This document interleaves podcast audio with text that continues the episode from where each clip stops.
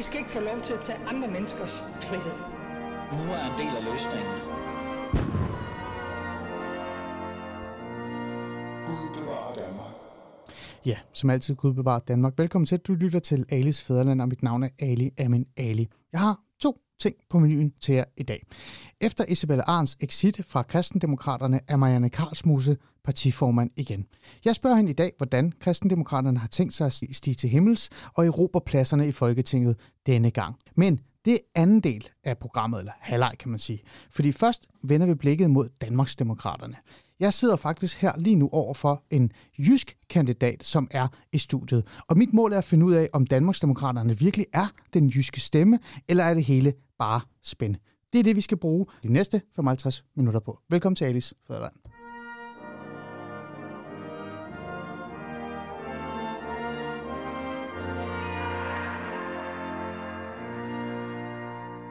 Ulrik Knudsen, velkommen til. Tak. Du er kandidat for Danmarksdemokraterne i Østjyllands Storkreds. Findes der egentlig politiske salonger i København?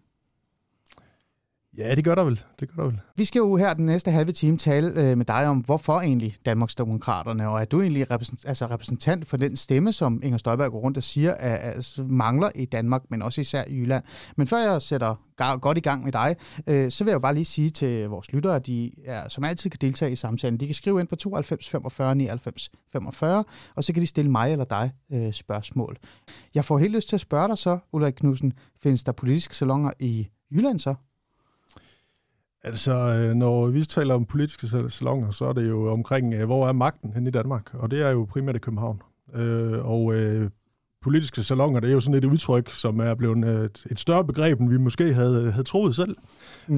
men det er jo egentlig bare et udtryk for, at det vi gerne vil bringe på Christiansborg, det er nogle lidt mere borgernære problemstillinger. Og vi synes måske, at nogle af, af de problemstillinger, der bliver debatteret på borgen, det er måske lidt for langt fra mange danskers øh, almindelige hverdag. Mm.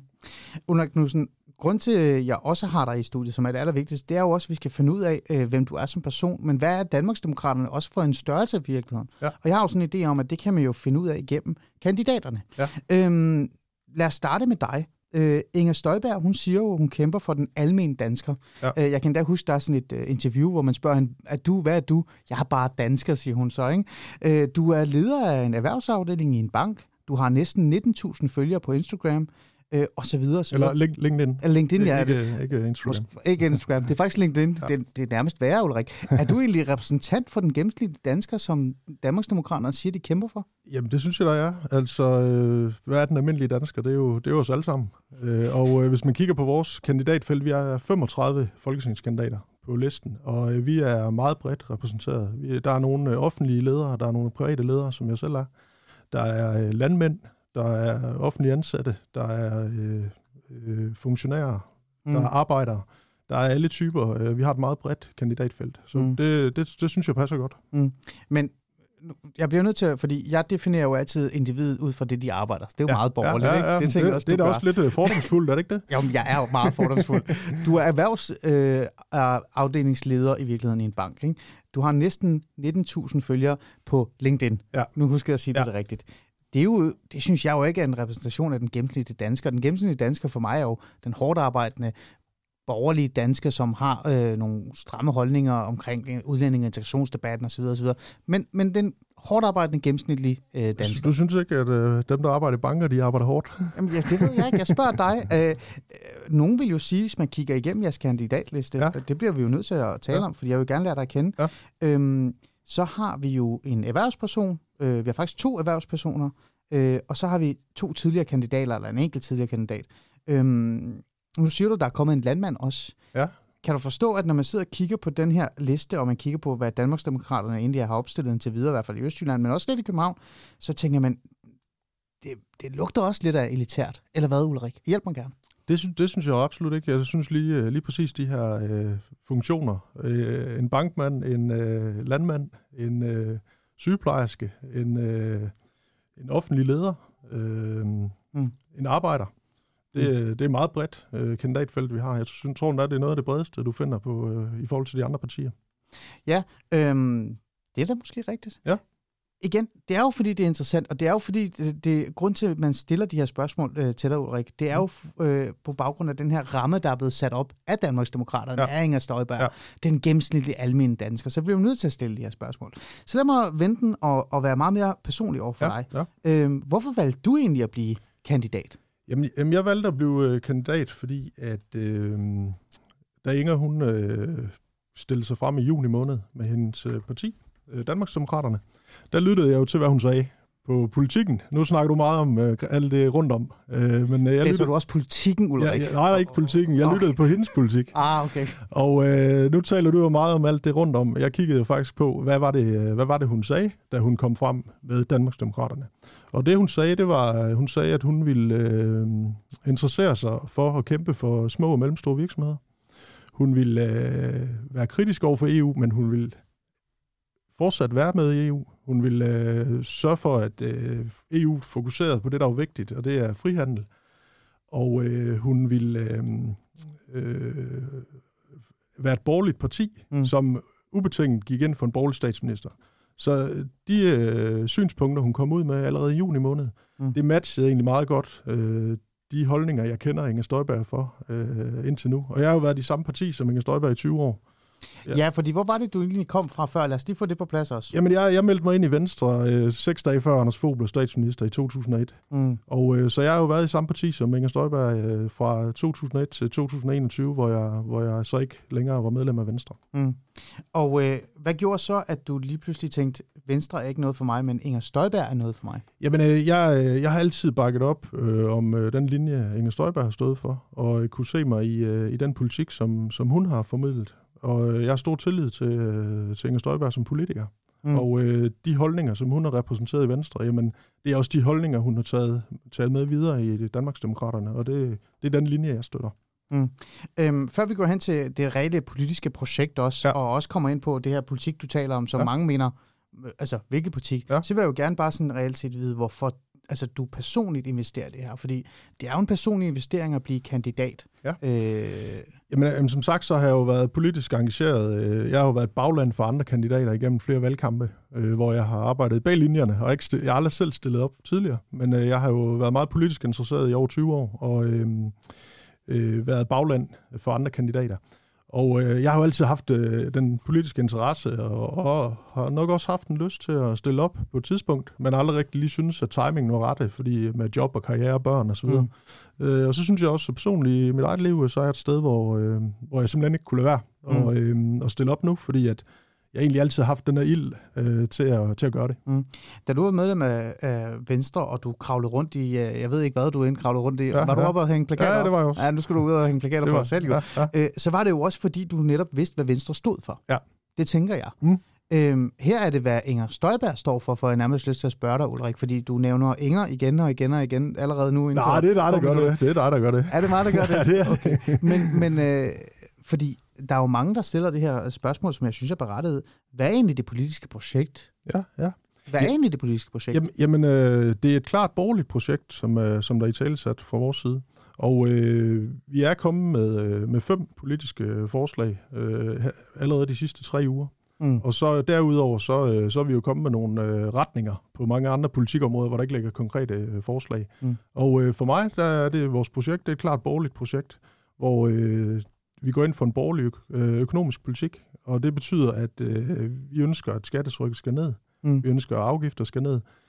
Ikke sådan noget liberal alliance noget, men øh, på god borgerlig øh, politik, hvor vi skal, hvor vi skal øh, finde øh, pragmatiske løsninger øh, mm. og, øh, og få skattetrykket ned, fordi det er vigtigt for os, at øh, det, det skal kunne betale sig arbejde og at øh, det fantastiske land, vi har, det er jo bygget på, at, at der er rigtig mange, der slider og slæber på arbejde, og det skal de også have mm. noget ud af.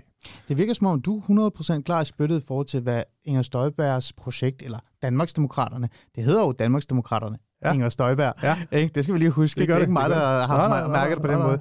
Hvad det står for. Ja. Men kan du forstå, at den almindelige dansker, eller de der politiske kommentatorer ude i København, kigger på dig og tænker, jeg aner ikke, hvad det her er, fordi der er der ikke et partiprogram. Der er jo ikke, altså... Det synes jeg da ikke, jeg blev mødt med. Nej. Folk er da, folk er da 100% klar. Så nu er du ude og tale med folk ja, ja. allerede nu. Ja. Hvad siger de til dig?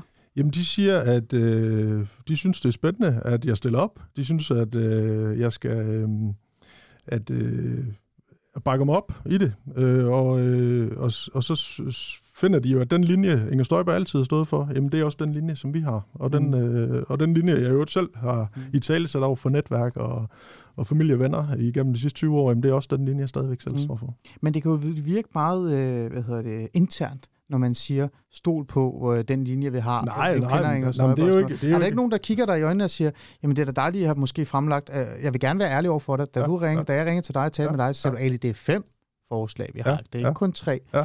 Men er der nogen, der kigger på det og siger, jamen det er da godt, det er godt med dig, Ulrik, men jeg aner da ikke, hvad I ellers vil. Jamen, og det er jo fair nok, de spørger om det. Altså, det er jo helt fair, fordi at, øh, at vi, er jo, øh, vi er jo stiftet for under tre måneder siden, så det er jo helt fair at spørge os, øh, hvad vi vil. Og det, det lægger vi jo også, vi, vi kommer jo frem med konkret politikområder. Mm. Ja, vi kommer noget, med noget hver uge, øhm, og øh, op til valget, så kommer vi med helt konkrete øh, 10-12 punkter, som, øh, Gør I det? som, øh, som vi går til valg på. Okay. Jeg kan huske, da jeg interviewede Peter Skorp, der var han ikke så øh, klar i spyttet omkring, om der vil komme noget eller ej. Ja. Men du siger, der kommer noget. Jamen, der er jo kommet noget, og der kommer selvfølgelig yderligere inden valget. Mm, okay, interessant. Kan du øh, åbne lidt op og sige, hvad det er inden for hvilke områder, det kommer? Nej, nej, det kan jeg ikke. Det kan, Det kan du ikke? Det er ikke nok øh, stjerner på skulderen til at, at lancere nye politikområder her. Har det noget med Jylland at gøre? Jamen, det, øh, det, det har ikke noget med Jylland specifikt at gøre, nej. Apropos det der med Jylland og sådan noget, så er der jo også kommet en historie om, øh, at det jo nærmest er det jyske mod det københavnske i virkeligheden. Ja. Øh, Ulrik, du er jo faktisk erhvervsperson, øh, erhvervsmand. Du Ja. er øh, en, der bevæger sig i de her, øh, de her kredse, hvor man nærmest siger, virksomhed, øh, marked, øh, kapitalisme og alle de her ting, det er sgu også vigtigt. Ja. Øhm, kan du egentlig se dig selv i det der med øhm, øh, Jyskland, altså Jylland mod øh, København osv., osv., den der opsplittelse? Jamen, jamen jeg synes ikke, at øh, vi snakker Jylland og København. Vi snakker, at øh, de politiske dagsordner, der fylder øh, i, øh, på redaktionerne i København og på Christiansborg, dem, dem skal vi gå ind og påvirke med, med, og, med nogle diskussioner, der er lidt mere målrettet den almindelige dansker. Så det, Ja. er ikke, det er ikke noget med Jylland og København at gøre, egentlig. Nej. Jeg kalder det også Jys- Jyskland. Jyskland, det er måske ja, godt, ja, det, ja, ja, måske skulle du tage det med dig. Ja, Det har det ikke. Men hvad har det så med at gøre? Altså, er det, er det, nu kommer der et rigtig kedeligt... Øh, øh, er det prioriteringer? Jamen, øh, altså, jeg, jeg synes jo, at det, det, grunden til, at jeg øh, egentlig øh, har blandet mig mere og mere politisk på især sociale medier de sidste to år, det har jo været meget udsprunget af coronakrisen og den øh, måde, regeringen de har håndteret den på. Mm. Og øh, der synes jeg, jeg oplevede, at øh, man var, øh, man tog ikke rigtig erhvervslivet alvorligt, og man tog ikke rigtig lønmodtagerne alvorligt, fordi at man var så forhippet på at, at, at stå øh, stærkt i den her coronahåndtering. Mm. Og, og det var faktisk noget af det, der tændte min ild igen, Mm. øh, og, og jeg begyndte at blande mig i debatten øh, på sociale medier, og kunne mærke, at, øh, at der, øh, dels synes jeg, det var det var sjovt at blande sig i debatten. Jeg kunne godt lide de der øh, argumentationer for og imod, Mm. mm. øh, fordi det var jo meget øh, højspændt under corona, og der var mange følelser på spil. Mm. Øh, og så synes jeg, at, øh, at den der øh, måde, regeringen, de øh, bare sådan noget simpelt som at stille op til et pressemøde. Jeg kan huske i gamle dage, da Anders Fogh og Helle Thorning og Lars Løkke var statsminister. Mm. Jamen der sad jeg jo der sad jeg om tirsdagen og så de pressemøder. Der, Ja. det, det foregår jo ikke mere. Men, men så skal jeg lige forstå noget, fordi øh, det er jo fin øh, beskrivelse, du kommer med, men mange ser jo Inger Støjbergs parti og Danmarksdemokraterne øh, også som et udlænding- og integrationsparti, det vil sige stram udlændingepolitik, øh, stærke holdninger i forhold til islam Ja, osv. ja. osv. Øh, det lyder jo nærmest som om, at, øh, at det, det Danmarksdemokrat, du er en del af, det er jo et erhvervsparti. Jamen, det er det også. Det er det også. Altså, vi, vi kan jo godt have flere øh, partiområder. Så det, der, det var der var vigtigt, det var jeg kan huske, øh, da Inger Støjberg kom med Danmarksdemokraterne, så skrev pressen, det var et protestparti. Ja. Det er det ikke. Det er ikke et protestparti. Nå, Øh, er det ikke det? Overhovedet ikke. Nej. Vi, øh, vi har meget, øh, vi, vi har bredt parti, og hun nævnte, på alle første pressemøde nævner hun små og mellemstore virksomheder. Mm. Så, så for os, der er erhvervslivets vilkår og lønmodtagernes vilkår ekstremt vigtigt. Noget andet, du også skal forholde dig til som Danmarksdemokrat, det tænker jeg, det bliver du jo nødt til. Det er jo også den her nedsmeltning, der nærmest sker i Dansk Folkeparti. Du kan være ligeglad med partiet, men nu har du jo faktisk en medkandidat, Hans Christian Skiby, som kommer fra Dansk Folkeparti. ja.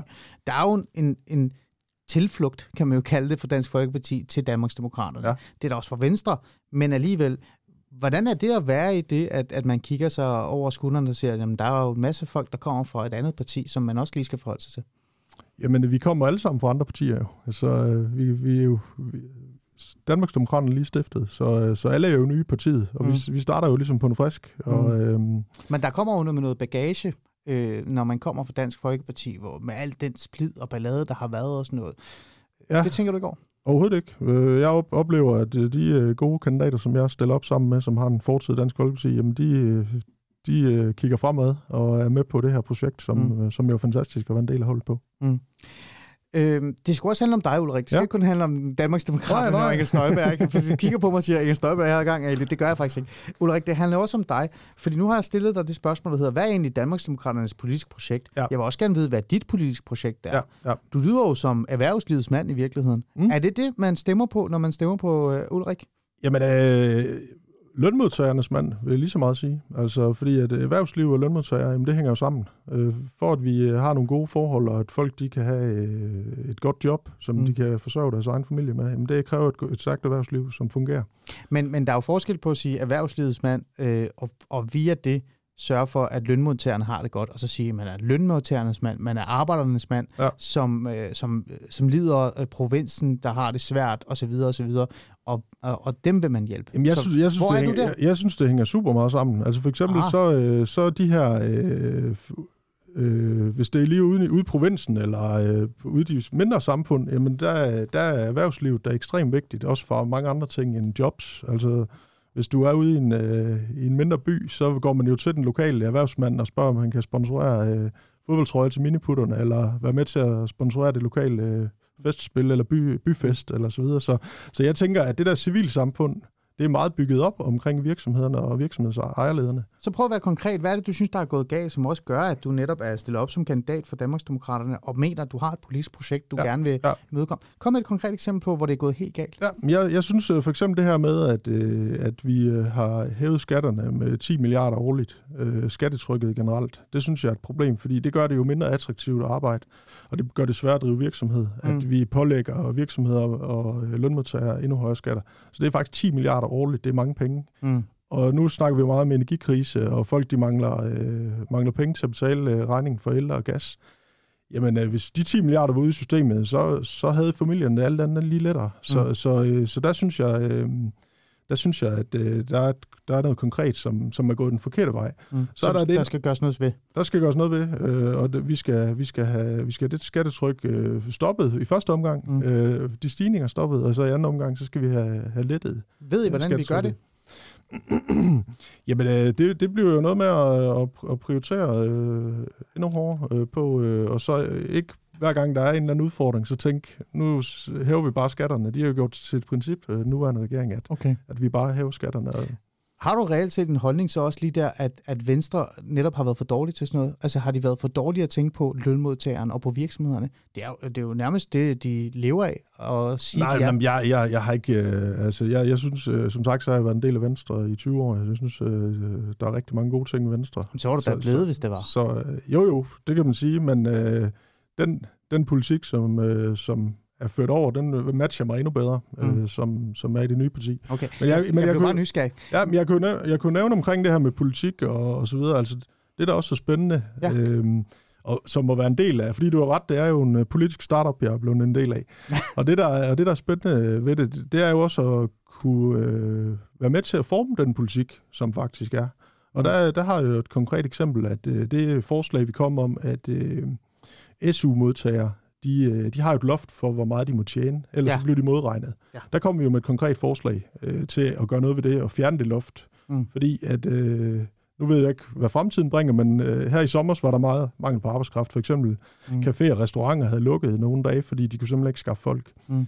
Der havde jeg en konkret øh, eksempel på en virksomhedsejer, jeg kender, som, som kom til mig frustreret og sagde, alle de studerende, som jeg øh, har, øh, har ansat i produktion og lager, jamen de, øh, de siger op nu, fordi jeg siger, at jeg kommer igen til januar, fordi de har nået loftet. Og det er jo sådan et lille eksempel på, øh, der, der gør regeringen ikke noget. Det kunne man fjerne fra, det, fra den ene dag til den anden. Mm. Mm. Der, der gør vi ikke noget. Nej. Og der, der har jeg været med til at lave det forslag, Ja. som så har gjort, gjort til... Ja. Det lyder rigtig godt, Ulrik, ja. øh, men jeg sidder og tænker, det er jo noget, en konservativ også kunne sige, og det er også noget, en Venstre kan sige. Øhm, hvorfor skal man så, altså, det er jo det samme, er det ikke det? Erhvervslivet skal have det bedre, de skal have nemmere ved at rekruttere og sådan nogle ting. Det er jo den samme slogan, Jamen, gang jamen med altså, vi er jo på samme hold jo. Altså, vi er jo på samme hold. Okay. Det borgerlige hold, det, vi skal, det er jo dem, vi skal være enige med efter valget. Så det er jo godt, hvis de synes det samme. Det, det synes du, det siger jeg ikke. øh, så lad os prøve at gå lidt videre til noget andet, som jeg også gerne vil have kontakt. Ja. Fordi Danmarksdemokraterne går også op i at hjælpe familier. Ja. Øhm, hvordan tænker du, det er bedst måde at hjælpe de danske familier, som øh, både lider hårdt i forhold til energikrisen, men også bare generelt? Jamen det vi konkret har øh, foreslået, det er jo, øh, at vi fjerner momsen på el, og vi sænker øh, elafgiften til EU's minimum. Og det gør vi i en periode på, på 6 måneder, øh, sådan at øh, det gælder fra 1. oktober til 1. april. Og det, det giver en lettelse på, for en almindelig familie med to voksne og to børn på mellem øh, 3300 og 4200 kroner. Øh, så, så det er sådan et konkret eksempel på, på mm. et forslag, vi kommer med. Så I værner også om familien? Altså, ja. vi gerne støtte familien? Ja. Og det er der skrevet tænkt på. Yes. Øhm, så bliver jeg nødt til at stille dig et andet spørgsmål i forhold til et andet politik, øh, altså politisk område. Ja. Vi sidder jo i Gellerup. Ja. Ved du, hvad Gellerup er? Det gør jeg. Jeg bor 1200 meter herfra. Okay. Gellerup er jo en af de, de mest øh, socialt udsatte områder, Danmark overhovedet har. Det er også en af de største. Ja. Øh, Gellerup Toveshøj, kan man Ja, sige. Der er en ja. stor procentdel af ikke-vestlige borgere. Ja. Øh, der er en stor procentdel, øh, hvad hedder det, som ikke er på offentlig, eller der er på offentlig besøgelse, mm. de er ikke på arbejdsmarkedet. Der er kriminalitet. Der er noget, der hedder Brabrand-banden, som, som hersker her. Det er blevet bedre, kan man sige. Man har revet bygninger ned og sådan noget. Men hvad med sådan nogle socialt udsatte områder, som, som Gellerup? Hvad med udlænding og integrationspolitikken? Er det noget, du øh, også på vegne af de østjyske vil kæmpe og for at gøre et eller andet? Jamen, øh, det, det er klart, at øh, vi, øh, vi støtter op om den øh, stramme udlændingepolitik, som jo faktisk er bredt funderet pt. i Folketinget. Altså, der er jo Mm. cirka 80 procent af, Mm. mm. af partierne i Folketinget, som, som støtter op om, øh, om meget stramme udlændingepolitik. Så, så det, det er selvfølgelig en agenda, som, øh, Mm. som alle også ved, at vi øh, går op i. Ja, går du også op i det? Ja, det gør. Det gør du. Mm. Øhm, Inger Støjberg nævner jo tit øh, den muslimske befolkningsgruppe også i forhold til visse øh, problemstillinger, der er. Ja, der. ja. Er det også noget, du er bonger ind i?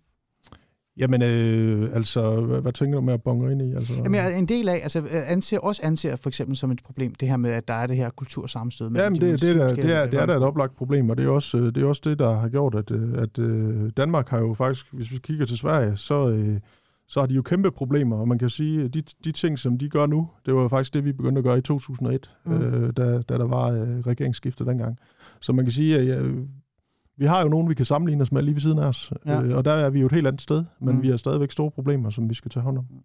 Øh, nu siger man jo, at man kender Danmarksdemokraterne, fordi man ved, hvad Inger Støjberg står for. Den slipper Nej, det, ikke det har jeg ikke sagt i dag. Det har jeg overhovedet ikke sagt nej, i dag. Det, det siger du ikke. Det siger du Det ikke. er slet ikke sagt. Det siger man. Det siger Hvem man. siger det? Det siger siger politiske kommentatorer og så videre Jamen, og så det, videre. og det skal du ikke høre til. Du skal Nej, det ved jeg godt. Men det sagde Inger Støjberg også i starten. Der er kommet mere politik Ja. på, og Ja. så videre og så videre. Ja. Men lad os lige holde os til det her Ja. Det, man også kender Inger Støjberg for, det er jo strammere og strammere udlænding og Ja. udlændingepolitik. Ja. Øh, hvordan har Danmarksdemokraterne med den stramme udlændingepolitik egentlig? Er det strammere og strammere stadigvæk, eller er vi, har vi nået et sted? Fordi jeg kunne også høre, at der er mange, der er begyndt at bekymre sig for for eksempel øh, rekruttering, arbejdskraft. Der er Ja, også en ja, del, der ja, bliver smidt ud ja, af landet, som i bund og grund burde kunne have lov til at blive, og Ja, så videre, og så videre. ja. Hvor står I der? Ja, jamen altså, vi, vi, øh, vi øh, synes, det skal være nemmere at rekruttere udlandsk arbejdskraft. Så, så, så der er vi ikke, øh, Nej. der er vi ikke på... Der er det ikke strammer for strammernes skyld. der, der er vi ikke sådan ligesom på Messersmith 12, hvor han øh, vil, slet ikke vil have nogen ind. Mm. Mm. Overhovedet ikke. Vi, vi vil gerne tiltrække dem, der, øh, der har nogle kompetencer, og som kan klare sig selv. Mm. Øh, selvfølgelig under forudsætning af, at, at øh, de er her i den periode, hvor de, de bidrager. Mm. Okay. Okay. Og det, det kan man sige, det er en forskel. Mm. Ja. Det er bare interessant at høre, ja, nemlig. Ja. Øh, Ulrik Knudsen, nu er du også øh, lidt øh, erhvervslivets stemme, vil jeg gerne sige, for det vil jeg gerne give dig, for det er jo der, dine kompetencer også ligger allermest. Mm. Øh, hvis man lægger en stemme på Danmarksdemokraterne, øh, og det var faktisk et spørgsmål, jeg skulle stille dig før, men nu gør det alligevel, for vi bliver fanget af stemningen. Øh, hvordan kan man så skelne mellem øh, Ulrik Knudsen, som stiller op for Danmarksdemokraterne, med for eksempel Mona Jul, som er spidskandidat for konservative, som også er den her stærke erhvervskvinder, der taler om erhvervslivet. Hvad er forskellen konkret der? Får jeg mere øh, med dig, end jeg får med Mona? Jamen, jeg, nu, har jeg ikke, øh, nu er jeg ikke øh, agent for Mona, så jeg... Ej, du er agent for dig selv, så jeg hører, hvad- hvad får så, jeg så, Så man mere? kan sige, det, det som jeg går ind for, det er, at øh, jeg går ind for, at, øh, at vi finder pragmatiske løsninger. Ah, Det her SU-forslag, det er jo et lille forslag. Jeg ved godt, det er ikke noget, der revolutionerer Nej. øh, verden øh, for erhvervslivet, men det er bare sådan et pragmatisk, hvor man kan sige, der kan man gøre noget nu, der virker. Og det er egentlig sådan fra hus til hus, vi skal kæmpe og, og gøre det, øh, tage de små skridt, mm. der giver mening. Er det den der snusfornuftighed, der mangler lidt i politik? Ja, Altså de Det er der det, med, det nogle det, gange, det er så er de simple, pragmatiske løsninger Ja. bedre end Ja. de der store visioner, der altid bliver sådan noget. ja, ja. Ulrik, er det noget af det, der har gjort, at du har stillet op politik? At hvad? Det skal Er, er det noget af det, der har for eksempel har motiveret dig til at stille Ja, op? ja, politik? ja, det er det 100%. Altså det her med at, øh, at kæmpe for at, øh, at gøre nogle konkrete forskelle, det er jo det, jeg synes er sjovt, både i mit arbejde og også øh, politisk, at, øh, at øh, hvis man yder en indsats, jamen, så får man nogle resultater. Øh, jeg var jo lidt inde på det før, Ulrik Knudsen, i forhold til, øh, hvilken konsekvenser det kan have øh, for dig. Øh, hvordan har det egentlig været at stille sig frem og sige, nu er jeg kandidat for Danmarksdemokraterne, øh, både øh, hos familie, men også øh, kollegaer osv.? Ja, jamen øh, altså jeg, øh, jeg gik jo i sommerferien og overvejede meget, om jeg skulle, øh, om jeg skulle prøve at række øh, ud til Danmarksdemokraterne og se, om jeg kunne blive stillet op. Mm. Og øh, der gik jeg jo med, med de her tanker omkring, jamen øh, man sætter sig jo lidt ud på kanten og øh, bliver skydeskive, Mm. mm. fordi politik det er jo uenighed, Ja. øh, og øh, meninger der brydes. Ja. Så det skal man jo være klar til at, øh, at, at tage den. Så, øh, så det tænkte jeg meget over. Jeg har jo også øh, været i berøring med mange andre folketingsmedlemmer og kandidater, så jeg ved jo også godt lidt, hvad, hvad det betyder. Mm. Øh, jeg blev modtaget meget positivt, synes jeg. Altså folk synes, det er spændende. Altså folk synes generelt, politik er spændende, og de følger med og har holdninger til det. Og så hvis man også øh, har øh, en i sit netværk, eller vennekreds, eller familie, der stiller op, så, så synes folk, det er sjovt og Mm. Øh, nogen siger, fedt, du stiller op, Ulrik, øh, vi stemmer på dig. Andre de siger, mega sejt, du gør det, vi stemmer nok ikke på dig. Så, Nej. så, så den der, øh, men, men kun positivt. Mm. Hvad med helt det der med rigsret og kriminalitet og alt det der, altså alt det der, der har været omskæret, det her Danmarks Demokrater, og det der med at være en del af det hold. Har der været nogle negativ, øh, hvad hedder det, ja, har der, har der været noget negativt, du skulle forholde dig Det, til? det, det, har jeg ikke, øh, det har jeg ikke oplevet. Der er Nej. ikke nogen, der har konfronteret mig med, med, med det. Okay. Igen interessant, fordi det er jo historien bag Danmarksdemokraterne. Man kan jo ikke undgå nogle af de her ting, der, øh, der Mm. også er omkring det. Øh, Ulrik, øh, nu er Folketingsvalget jo nærmest på vej, Ja. øh, og det her interview er faktisk også ved at nå sin ende, fordi at, øh, det var jo det, vi havde øh, aftalt. Øh, Ulrik Knudsen kommer til at stå på, på listen. Det er Ja. dig, man kan stemme på Ja. øh, for Danmarksdemokraterne. Du er en del af et parti, som nogen mener ikke har en politisk program, men alligevel så kan de øh, slå op og se, der det, er vi, det, allerede vi, fem det har vi lige fået afklaret. Præcis, så vi har lige fået afklaret i dag, det har vi. Ja, så, nemlig. så det, det du ikke Nej, gentage. det er nemlig det. Så Ulrik, hvordan vil du gå ud øh, til det jys- østjyske folk og så sige til dem, ved du hvad, en stemme på Danmarksdemokraterne er faktisk en, en vigtig og stærk stemme. Hvordan, hvad vil du bruge, øh, hvordan vil du gøre det her de næste ja, kommende tid?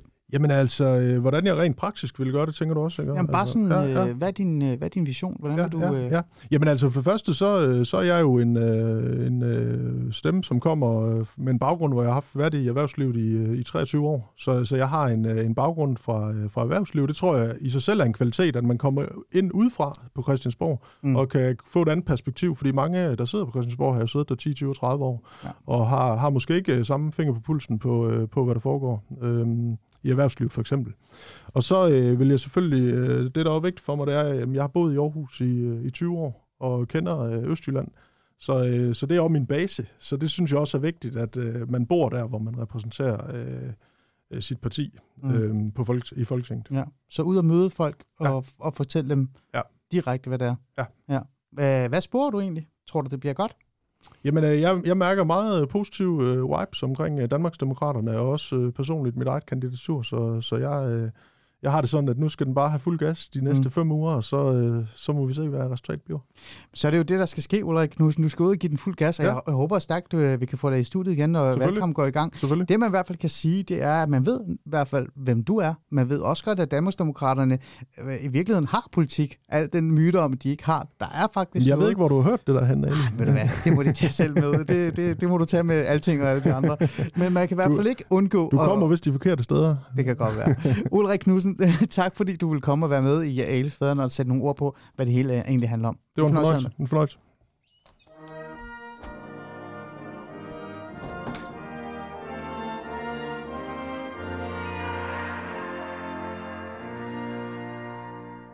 Du lytter stadig til Alice Fædrene, og vi er godt i gang med programmet. Den første halve time havde vi jo uh, Ulrik Knudsen med fra Danmarksdemokraterne, og det er faktisk uh, reelt set også uh, fint nok at lære en Danmarksdemokrat at kende, som er kandidat i Jylland, og ikke kun uh, dem, som er i København.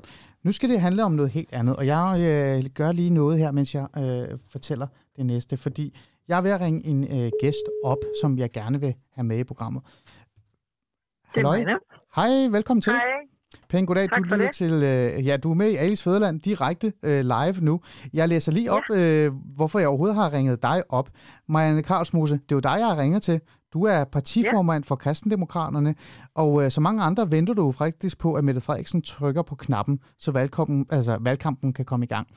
Grunden til, at jeg har taget, ringet dig op og gerne vil bruge den næste halve time med dig, det er jo, jeg vil gerne høre, hvordan øh, kristendemokraterne vil kæmpe for at komme i Folketinget. Og så vil jeg også gerne tale mere omkring jeres kandidatliste, om den reelt set er stærk nok eller ej. Det skal vi nok komme ind på. Jeg tror også godt, du kan gætte dig til, hvorfor øh, der er det. Men, men øh, Marianne Karlsmose, i, øh, vi skal jo starte et sted, og vi er nødt til at starte med det, som alle har lagt mærke til. I maj to, øh, 2022, der forlod Isabella Arndt posten som partiformand. Sidenhen har du jo haft øh, styrepinden.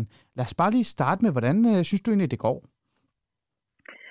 Ja, altså det har jo været en speciel sommer, kan man sige. Øh, men øh, vi har fået snakket tingene igennem hen over sommeren, og øh, nu er vi simpelthen fuld af optimisme og kampgejst og er rykket sammen i bussen, og det er, det er rigtig dejligt. Mm. Så det er blevet sjovt at være kristendemokrat, og det var det ikke altid i foråret, må jeg være ærlig at sige. Det lyder jo lidt interessant, øh, Marianne, og det bliver jeg jo nødt til at, dvæle lidt over med dig. Øh, hvorfor var det øh, så svært eller ikke interessant at være kristendemokrat der? Jamen altså, det er jo vigtigt, at vi er et stærkt hold, som står sammen, og det er jo åbenlyst, at, at når der er nogen, der, der synes, at, at de hellere vil være et andet sted, så er der jo også nogle ting, som ikke har været gode nok, øh, og øh, det har også været en tilvænding for os at være i Folketinget og skulle prioritere og finansiere vores forslag. Øh, det har også krævet noget tilvænding, så det er ikke den store politiske uenighed, men det er mere det her med, at, at nogle gange øh, skal man jo ofre sig for at være en del af et hold. Mm. Og øh, det er nogle gange lettere for nogen end for andre. Det lyder lidt som om, at, øh, at det har noget at gøre med, med Isabel Arndt, den tidligere partiformand. Øhm, så det også fast i jer? Øh, var der stadig noget, der skulle øh, afklares eller nærmest komme over?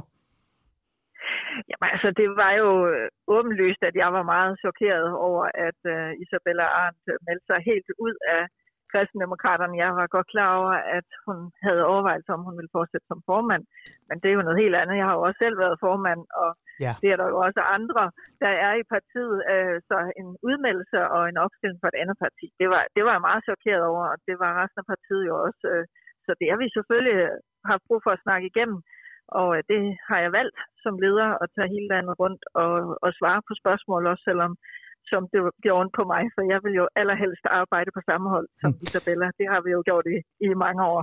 Det kan jeg godt forstå. Og nu skal det heller ikke handle om Isabella Arndt. Det skal faktisk handle Nej. om dig, Marianne Karlsmose. Hvordan var det så ja. at bevæge dig rundt i landet og prøve at fortælle alverdens folk, øh, og især kristendemokraterne, at nu skulle man kigge fremad? Ja, altså, øh, jeg vil sige, at når jeg får at vide af en journalist, at vores formand har meldt sig ud, så er jeg jo per definition øh, fungerende formand i samme sekund.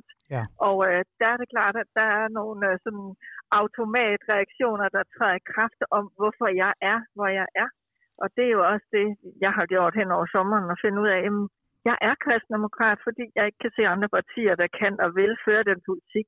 Og øh, jeg kæmper efter min overbevisning, og det er der et kandidathold, der gør sammen med mig. Og det er jo det, politik handler om selvom jeg godt ved, du og andre måske synes, det er en anelse besværligt med så mange partier. Men det er altså virkelig det, vi har, har set hinanden i øjnene på hen over sommeren. Det er, at det her værdiorienterede borgerlige midterparti med det menneskesyn, vi har, den social bevidsthed, den klimabevidsthed, vi har, den familiepolitik osv., jamen det kan vi ikke finde andre partier, der står for. Mm. Så øh, vi kæmper for alt, hvad vi har kært. Mm. Øh, jeg, jeg kan godt klare, at der er mange partier. Det gør, det gør bare mine, ja, mine klummeskriverier nemmere, kan jeg fortælle dig. Så ja. er flere skrive, klummer at skrive om. Øh, men, ja, ja, men, præcis. Øh, og valgmuligheder kan jo også være godt. præcis. Men, men det, man ikke kan undgå at, at også forholde sig til, det er jo, at det ser jo ikke rigtig godt ud i meningsmålingerne. Og igen, nu skal det ikke handle om, I spiller Arn. Det er ikke det, der i bund og grund interviewet skal handle om. Men uh, siden, hendes efter, altså, siden hun gik, så er det jo ikke set så fantastisk godt ud. Hvordan, øh, hvad, hvad tror du, det skyldes? Jeg vil sige, at den sidste Gallup er på 1,7, og den sidste Voxmeter er på 1,3. Så i forhold til, hvor vi lå inden valget sidste gang, så er det nu noget blandet, og dansk politik er i oprør. Altså det kan man sige, der er jo rigtig mange, der vandrer og ikke har bestemt sig nu. Mm. Men det er klart, det er jo ikke øh, sundt for et parti at skulle miste en formand helt tæt på et valg. Det siger sig selv. Og jeg kan da godt forstå, at vælgerne lige afventer og ser, hvad i alverden er det med de der kristdemokrater. Er de uh, døden nær, eller hvor er de henne? Mm. Og derfor er jeg helt sikker på, når vi nu kommer til at snakke om vores kandidathold, og hvor vi er henne i forhold til vores valgkamp, at der er rigtig mange danskere, der bliver overrasket over, hvad det er for en power, vi kommer med, og hvor meget optimisme og øh, idealisme, der driver os. Og det tror jeg faktisk, der er mange vælgere, der, der bliver glade for, fordi de der personborgende partier, der falder sammen, fordi en frontperson ikke længere er der, jamen det er jo øh, ikke det, demokrati egentlig bør være. Det bør jo være overbevisning, partiernes visioner, som afgør, hvor vi sætter vores kryds. Mm. Og øh, det har jeg tillid til, at vælgerne, også når vi kommer længere hen i den egentlige valgkamp, at øh, de får set, at kristendemokraternes politiske projekt faktisk er endnu stærkere end i 2019. Mm. Så jeg glæder mig til valgkampen, og er jo sådan set allerede i fuld gang. Det er godt. Så lad os endelig tage fat i det her med kandidatlisten og også jeres øh, politiske visioner. Skal vi ikke gøre det? Ja, lad os gøre det.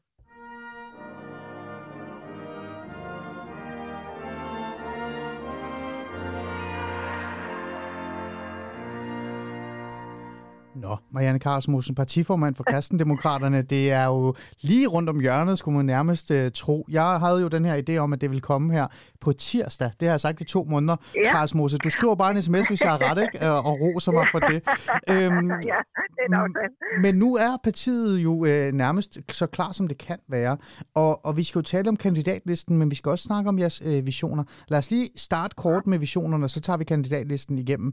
Uh, du sagde noget interessant, synes jeg. Du sagde, at, at kristendemokraterne var et parti, som havde ideologien på plads, I var stærkere. Ja. Prøv, lige at, prøv lige at fortælle mig, hvorfor du siger det til mig. Ja, det gør jeg jo, fordi vi siden 2019 har udarbejdet en 2030-plan, hvor vi også har en økonomisk politik og en helhedsorienteret politik, der er langt mere gennemarbejdet end det, vi faktisk, helt ærligt, det vi faktisk gik til valg på i 2019. Ah. Så vi har arbejdet rigtig meget med det. Vi har også arbejdet med at tydeliggøre vores uh, abortpolitik, så det står helt klart for folk, at vi står bag de gældende regler for kvinders adgang til abort. Mm. Og når vi så taler om at nedbringe aborttallet, jamen, så er det forebyggelse, det er rådgivning, det er samtaler, det er god familiepolitik, socialpolitik. Det var der meget forvirring om i 2019, og øh, det er jeg glad for, at vi står klart og tydeligt nu med en, en stærk politisk platform. Så du føler faktisk ideologisk, men politisk også står stærkere, end I nogensinde har gjort nærmest?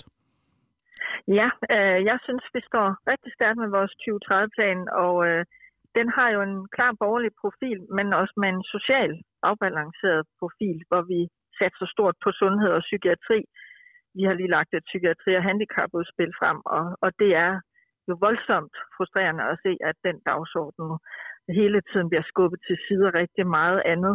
Og øh, når vi hører en million stemmer, så må jeg bare sige, om det er en allervigtigste drivkraft for mig, det er at få skabt en verdenspsykiatri for alle, mm. og gøre det til at være i Danmark i 2022, selvom man har handicaps, har et barn med handicaps. Mm. Det er jo helt vildt uværdigt øh, som det er nu. Mm. Så, øh, så det er en meget væsentlig drivkraft for os, og der har vi øh, lagt et, et gennemarbejdet udspil frem, mm. hvor vi gerne vil sidde med i et forhandlingsspor om en 10-årsplan, ah. der giver et markant løft af ressourcer. Men det har godt nok gumlet, bumlet togsfart, okay. desværre, okay. Ja. selvom vi har set både Fields og ja, ja. rigtig, rigtig mange ja. andre advarsler. Ja, men, så øh, grundlæggende kunne... menneskesyn, kan ja. man sige, at når vi snakker ideologi, ikke, at et hvert menneske har værdi, uanset hvad man tror på, hvordan man går klædt, hvordan man øh, tænker om sig selv, at hver anden pige i anden klasse, der i 8. klasse, skulle jeg sige, 8. klasse, er, ikke er glad for at være den, hun er. Altså prøv at overveje, mm. ja, der er, det der, er. Ja, Marianne Karsmussen, der er jo, øh, der er jo masser af øh, bekymringer, og især i forhold til psykiatrien, så det er jo, det er jo faktisk mm. rigtigst uh, set af jer, det er også noget, I brænder for, der kan man i hvert fald have en klar uh, politisk vision. Uh, det du også sagde til mig, det var, at jeres kandidatliste også var stærk og stod fast. Prøv lige at sætte nogle få ord på det. Ja, altså vi har jo nogle kandidater, som virkelig har villet det her KD-projekt. Vi har mistet nogen, det har vi snakket om, men øh, dem, der er, de er så næsten vedløbsheste boksene klar til at komme mm. ud og vise, hvad det er, KD står for. Mm. Og det er en meget spændende forskellige arter flok af unge, en ung landmand, en musiker, en, altså rigtig mange forskellige mm. mennesker også. Øh, byrådsmedlemmer. Jeg, ja. jeg sidder selv i regionsrådet, det... og sådan, så ja, det, man, det er en spændende flok. Men ja. Karlsmose, er det mere samtømret og mere øh, hvad kan vi sige, stabilt øh, kandidatfelt end, øh, end, øh, end før? Ja, det er det. Altså, vi er rykket sammen i bussen, og øh, jeg har lige været oppe og indspille vores øh, valgsang sammen med En valgsang? Hold da op. Ja, det Nå. Bliver en ørehænger. Okay. Jeg glæder dig. Altså, nogle af de der ting, hvor vi får smil på læben, får en kant på en ny måde, Mm. øh, og det har vi også fået noget hjælp til, at øh, ja, vi skal, vi skal vende energien udad og vise danskerne, hvad det er, vi står for, og bruge krab så meget øh, energi indad på alt det, vi kunne ønske os anderledes. For eksempel, at vi havde en større pengekasse, Okay. som jo Okay. har været noget af det, Ja. der har, har Ja. udfordret os, at, at vi ikke havde råd til at sætte alle de initiativer i gang, vi Ja. gerne ville. Ikke? Øh, ja, og det kan jeg godt forstå. Øh, og jeg har jo kigget på jeres kandidatliste og, og, og, og kigget lidt igennem jeres, øh, jeres hvad hedder det, kandidater, og det virker faktisk som en, en meget spændende kandidatliste. Og så kan man jo sidde ja. Der og tænke, ej, hvor havde det været stærkere, hvis Isabella Arndt havde været på den, ikke? Men lad det ligge, det skal vi ikke dvæle for meget over, Karlsmose, for nu er du jo i, i spidsen. Det, man ikke kan undgå at falde over, det bliver vi nødt til at tale om også. Det er jo, at når man kigger på listen, så kan man ikke undgå at lægge mærke til, at der faktisk er en muslimsk kandidat på listen. Og det har der været sådan allerede en lille smule snak om i, i, hvad hedder det, i medierne. Øh, den her kandidat hedder Elif Demir Götze. Øh, hvordan vægter det egentlig med de kristne værdier, at der er en muslimsk kandidat på listen? Ja, altså jeg bliver nødt til at korrigere dig. Det er ikke første gang, vi har en muslimsk folketingskandidat. Det havde vi faktisk også ved sidste valg. Øh, Så, øh, så det er blevet en meget stor historie lige nu, men øh, det er ikke første gang, Det er ikke noget nyt. en kandidat op. Altså det er nyt, vil jeg være ærlig at sige, at det er første gang, vi har en muslimsk kvinde med tørklæder. Det er selvfølgelig også noget af det, der har givet ekstra opmærksomhed. Ja. ja det der er i det, er jo, at øh, vi, når vi opstiller kandidater, så skal kandidaterne jo forholde sig til vores politik. Mm. Og hvis man gerne vil arbejde for vores politik, så øh, kan man blive stillet op som folketingskandidat, hvis hovedbestyrelsen og den lokale bestyrelse indstiller det. Okay. Og øh, der er jo nogle muslimer, som ønsker en stærk familiepolitik, ønsker trosfrihed, som øh, Elif øh, faktisk ikke, Ja. Ja. Som, som faktisk ikke kunne se sig i radikale mm. i forhold til nogle af de her ting med at have to køn, Mm. øh, i forhold til 74, eller hvor meget det er, vi er oppe på. Øh, og der siger vi så, jamen, Kristendemokraterne er et politisk parti, og hvis du vil arbejde for vores værdier og politik, så er Mm. du velkommen. Godt. Og øh, jeg synes, at det er dejligt, at der er Ja. kandidater, der vælger os til. Godt, så er det i hvert fald på plads, og du har fuldstændig ret, fordi at den første, øh, kan, kan man sige, muslim, det var faktisk, jeg tror også, han var tidligere muslim, det var Malte Bro, som flygtede fra Afghanistan. Øh, jeg kan ikke huske, om han var muslim eller ej dengang, men, det, men, men nevertheless, øh, du har selvfølgelig ret, det er ikke den første. Ja, Øhm, men, han, han er konverteret Han var konverteret. kristendom, Det er men vi nemlig det. havde øh, en øh, kandidat til Okay. sidste valg, som, Ja. som er muslim, okay. og som også er kandidat for os i dag. Ja, Så men- men, det er på men- den måde øh, ikke første gang. Nej, men Karls Mose, øh, igen, øh, den her kandidat har jo vækket noget opsigt, og det tænker jeg, at du som partiformand godt ved, øh, fordi du har jo set ja. øh, den her efterspørgsel omkring, øh, hvad begrundelsen er for, at Elif Demir Götze kan være medlem af Kristendemokraterne. Noget andet, som ikke handler om hendes øh, tørklæde eller hendes tro, men nærmere hendes mm. udtalelser. Kandidaten, som mm. jeg taler om, øh, Demir Götze, har jo faktisk, øh, er jo faktisk blevet kendt for at udtrykke nogle kontroversielle holdninger i forhold til for eksempel halshugningen af den franske lærer Samuel Paty, samt et øh, islamistisk terrorangreb i Spanien. Øhm, begge angreb, øh, det, altså, øh, som hun faktisk sagde i det her program i Alice Fæderland, der antydede hun, at det var et såkaldt false flag angreb, det vil sige angreb, der er begået af en part med en hensigt om at give en anden part skylden. Det her, det er jo kontroversielle og nærmest to, kons, altså konspirationsteoretiske holdninger. Hvordan har du egentlig med det, Karlsmose, at der er en kandidat, som har sagt sådan nogle ting?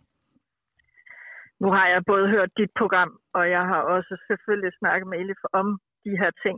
Og det, der er vigtigt at forstå, det er, at for Elif er det uforenligt at være muslim og slå et andet menneske ihjel. Mm. Og det er derfor, hun har reageret på nogle af de her ting, hvor hun opfatter, at alle muslimer bliver taget til indtægt for en handling, hun på ingen måde kan identificere sig med. Mm. Og det er selvfølgelig helt grundlæggende for, at hun kan stille op for os, at det er uforenligt for hende, at man begår terrorhandlinger eller drab. Mm. Jeg er med på, at øh, dialogen I havde omkring de der ting, at det, er, at det ikke var klart nok, og det har vi også snakket om. Mm. Men øh, det er klart, at når man er kandidat for kristendemokraterne, så går man selvfølgelig ikke end for terror eller drab. Mm. Og, og det vil jeg heller faktisk heller ikke lige sige, at det er det, jeg, jeg prøver at antyde, at hun har gjort. Mm. Det, jeg synes, der er meget interessant at se, og den dialog omkring, om man er så muslim eller ej, den kan vi altid tage en anden tid, det er jo, at hun både i, øh, i programmet Alice Fæderland, men også andre, øh, har fremlagt den her lille tese om, at det reelt set har været angreb, man ikke kan bevise, er blevet begået af de mennesker eller ej. Såkaldt false flag angreb. Karlsmose, det er jo noget helt andet. Det er jo konspirationsteorier, som på sin vis bliver luftet. Øh, det kan godt være, at det er noget, hun reflekterer over, men hun har jo sagt det. Hun forlod jo radikalt venstre netop på grund af de her udtalelser. Bekymrer det dig ikke, at du har en kandidat, der siger sådan ting? Det er klart, jeg har haft samtaler med Elif, og øh, grund til, at hun stiller op for os, det er, fordi hun vil kæmpe for vores politik, og den har hun sat sig grundigt ind i. Mm. Og det er selvfølgelig også det, jeg forventer af vores kandidater. Hvad der er foregået ved de forskellige episoder, det skal jeg ikke gøre mig klog på. Nej. Men uh, grunden til, at vi kan stille hende op, det er, fordi hun politisk vil kæmpe for det, vi står for. Mm. Og uh, det glæder jeg mig selvfølgelig over. Jeg kan da godt forstå, at hun hellere vil være kristendemokrat end radikal. Mm. Ved du hvad, det skal jeg heller ikke blande mig i, det er du fuldstændig ret i. Men jeg bliver nødt til bare lige at holde fast i, i det her for dig, for jeg kender jo også kristendemokraterne som et, et, et, et såkaldt, man kan jo sige, et ordentligt parti, der går op i værdier og ideologi osv. osv. Øh, jeg, kan bare ikke, jeg skal bare lige forstå, fordi er konspirationsteorier reelt set velkommen i kristendemokraterne, så længe man kæmper kristendemokraternes sag? Nej, altså vores politik handler ikke om konspirationsteorier. Vi giver plads til en kandidat, som gerne vil kæmpe for vores politik. Mm. Så vi kan snakke om kristendemokraternes politik, men hvad hun mener om en eller anden episode der, det vil jeg ikke gå ind i. Jeg har en snakket igennem med hende om, at det for hende er uforenligt at være muslim og være terrorist, og at det var det, hun også reagerede på, at man på det tidspunkt, og jo faktisk desværre mange gange andre, også kommer til at sætte lighedstegn imellem de to ting. Mm. Jeg kan bare forholde mig til, hvad det er for en debat, der er opstået som følge af, at vi har stillet hende op. Og der må jeg sige, at hvis vi vil integration i Danmark, så er vi altså nødt til også at lære og skælne, at muslimer er mennesker, der er forskellige, ligesom alle andre. Absolut. Så øh, hvad Absolut. hun har sagt om, hvad der er foregået, eller flex, mm. eller hvad det nu er, du mm. kan blive ved med at gentage, det er ikke noget, der kommer det ved, at hun er kandidat hos os, fordi mm. hun kæmper for vores politik. Og det er det, jeg forventer af hende, og det er det, jeg har tillid til, at hun vil gøre. Mm. Men så spørger jeg lige, øh, en, øh, nu leger vi lige, det er sådan et tankeeksperiment. Øh, hvis en person, øh, som stiller op til, altså folketings, er folketingskandidat for kristendemokraterne, har nogle specielle øh, idéer og tanker omkring Auschwitz, øh, koncentrationslejre, øh, eller månen, og, eller, eller andet. Er de så velkommen, så længe de bare siger dem i privat regi, eller ikke i kristendemokraternes regi? Det er klart, du skal ikke tage kristendemokraterne til indsigt for de synspunkter, og det er selvfølgelig det afgørende at du kan kæmpe for vores politik. Mm. Øh, og så er der jo folk, der kan have svært ved nogle gange at gennemskue, hvad der er fakta og hvad der ikke er fakta. Det gælder faktisk ikke kun på det her område. Nej. Men vi lever i en informationsalder, hvor kildekritik er altafgørende. Jeg er selv historielærer, så jeg lægger meget vægt på kildekritik, Præcis. og du kan forholde dig Karls Mose, nu sagde du det nemlig selv, og det er jo derfor, jeg bliver sådan lidt, øh, og, det, og du kan godt være, at du tænker, åh Ali, stop nu, nu har vi talt om det her, men det er jo det, der er interessant ved den her sag, fordi Elif Demir Götze øh, kan jo have sin holdning omkring det her med, om man er muslim eller ej, når man begår et terror, øh, hvad hedder det, det er fair nok, det er faktisk en refleksion, man altid kan have, og en diskussion, man kan have. Men når en, en folketingskandidat også har øh, ytret øh, falsk flag, og jeg er sikker på, at du godt ved, hvad falsk flag-teorier er, så kommer det jo til at være noget helt andet, end det man normalt er vant til. Det er jo en teori om, at det måske ikke var, det var nogle andre, der gjorde det for at blame muslimer, eller give muslimer skylden. Er det ikke noget, ja, der gør og, bare og dig en lille smule øh, bekymret? Selvfølgelig, altså. Og derfor har jeg også talt med hende om det. Og det vi fokuserer på, det er, at vi som kristendemokrater kæmper for en god familiepolitik, en god socialpolitik, at man har retten til at tænke og tro og tale frit. Mm. Og det har Elif også, og hun skal også have en plads i det. Og så, ja, så var det en uheldig øh, debat, der opstod der, og det tror jeg, hun har lært meget af, og det regner jeg ikke med, at det gentager sig. Mm. Øh, men jeg synes ikke, det skal afskære hende fra en mulighed for at kæmpe for det, som hun står for, og hun gør et rigtig godt stykke arbejde som byrådsmedlem i Brøndby og kæmper for rigtig mange mennesker i det her samfund. Så altså, ja, vi kan begå fejl, og jeg tror på, at en af vores samfundsproblemer, det er, at vi har fået en perfekthedskultur, hvor man kan blive misforstået, hængt ud, Og øh, der er blevet spredt mange usandheder om Elif efter dit program. Mm. Blandt andet, at hun ikke ønskede, at der skulle undervises i Mohammed-tegninger. Og det ved du lige så godt som jeg, at hun gentagende gange i dit program sagde, at selvfølgelig skulle der undervises i Mohammed-tegninger, men metoden, man gjorde det på, skulle være op til den enkelte lærer. Mm. Så dit program har bidraget til en øh, opfattelse af noget, hun faktisk ikke har sagt. Og Mm. det er ikke, fordi jeg giver dig skylden for det. Jeg konstaterer bare, at når jeg hører dit program, hører, hvad hun udtaler, og så ser, hvad det er, der cirkulerer om hende på Facebook, så er det også fake news. Mm. Så der er mange fake news, vi skal have arbejdet med at lære vores unge mennesker at sortere i, og faktisk også rigtig mange andre, der kan hoppe i med begge ben og generalisere og fordømme folk Mm. på et alt for øh, urigtigt grundlag. Og det mm. synes jeg er alvorligt for vores demokrati. Vi må øh, give hinanden plads, og også til nogle gange at have, have gjort noget, der ikke var super smart. Mm. Fuld forståelse, og jeg vil bare også lige sige, det er jo også øh, fair nok, altså, øh, men min, mit program, øh, den del, og det kan man gå tilbage og høre, der stiller jeg mm. Mm. faktisk teknisk set ingen spørgsmål. Elif øh, Demir Götze Mm. taler øh, og siger, hvad hun har, selv har lyst til at sige, og jeg stopper faktisk og siger, undskyld, sagde du virkelig det? Og det er jo netop lige det, jeg taler om lige nu. Det er selve false flag-episoden. Ideen om, at der er nogen, der har gjort noget for at give andre skylden for det. Øh, og hun nævner øh, Ja, og, og det har jeg svaret på. Øh, og det jo det, jeg tænker. Kristdemokraternes politik, Præcis. at vi Godt. øh, skal give nogen skylden for noget, andre har gjort. Selvfølgelig Fint. er det ikke det. Godt. Øh, men derfor er hun kandidat for os, fordi hun vil kæmpe for vores værdier og politik. Så kristdemokraterne har ikke lavet sig om, fordi Nej. Elif er kommet med. Nej. Elif har sat sig grundigt ind i vores politik og værdier og har fundet ud af, at kristdemokraterne er det parti, hun er mest enig med. Det synes jeg er dejligt, og det synes jeg er positivt. Og Godt. så har vi et menneskesyn, hvor vi ser det enkelte menneske og viser tillid. Og det er den måde, vi går til Elif på, ligesom vi går til alle andre på. Også Godt. selvom det giver tæsk. Og jeg Godt. har fået tæsk, altså i overført betydning, Ja. de sidste par dage. Men når man har et menneskesyn, der øh, siger, at alle har værdi, så bliver vi også nødt til at vise det i praksis. Mm. Ellers så er jeg jo øh, utroværdig. Fuld forståelse. Men Karls Mose, aller, aller sidste spørgsmål, så siger vi øh, farvel. Øh, konspirationsteorier er der ikke plads til i kristendemokraterne. Ja eller nej? Jamen, det er ikke et politisk emne. Okay. Altså, selvfølgelig skal folk have lov at tænke, tro og tale frit. Men jeg ønsker da, at det skal være det, der er sandt, som bliver spredt. Og derfor skal vi lære unge mennesker og andre, hvad fake news er. Selvfølgelig. Og det gælder jo også konspirationsteorier, som ødelægger den samtale, vi skal have med hinanden. Godt. Karls Mose, det skal jo ikke kun handle om det, det skal jo også handle om jeres kamp. Der er, der er kun et par sekunder tilbage. Men Karls Mose, øh, hvad hedder det, Mette Frederiksen, hun trykker på knappen lige om lidt. Er I klar? Er du klar til valgkamp? Vi er så klar. Jeg er allerede i valgkamp. Du er øh, allerede det valgkamp. Kan bare komme an. Ja, jeg har fire vælgermøder i den her uge, så det, det kører på fuld tryk. Ja. Det er godt. Så det er valgkamp fra nu af, og vi kæmper ind til sidste kryds er sat. Og der er jo faktisk ikke afgivet et eneste kryds endnu, Nej, det er selvom det. nogen gerne vil ja. puste sig op Ja. til at vide, hvordan valget ender. Så, Ka- Marianne det bliver Karlsmose, jeg bliver nødt til at sige tak, fordi du vil være med, partiformand for Kristendemokraterne. En fornøjelse. Og til jer andre, tak, fordi I uh, lyttede med.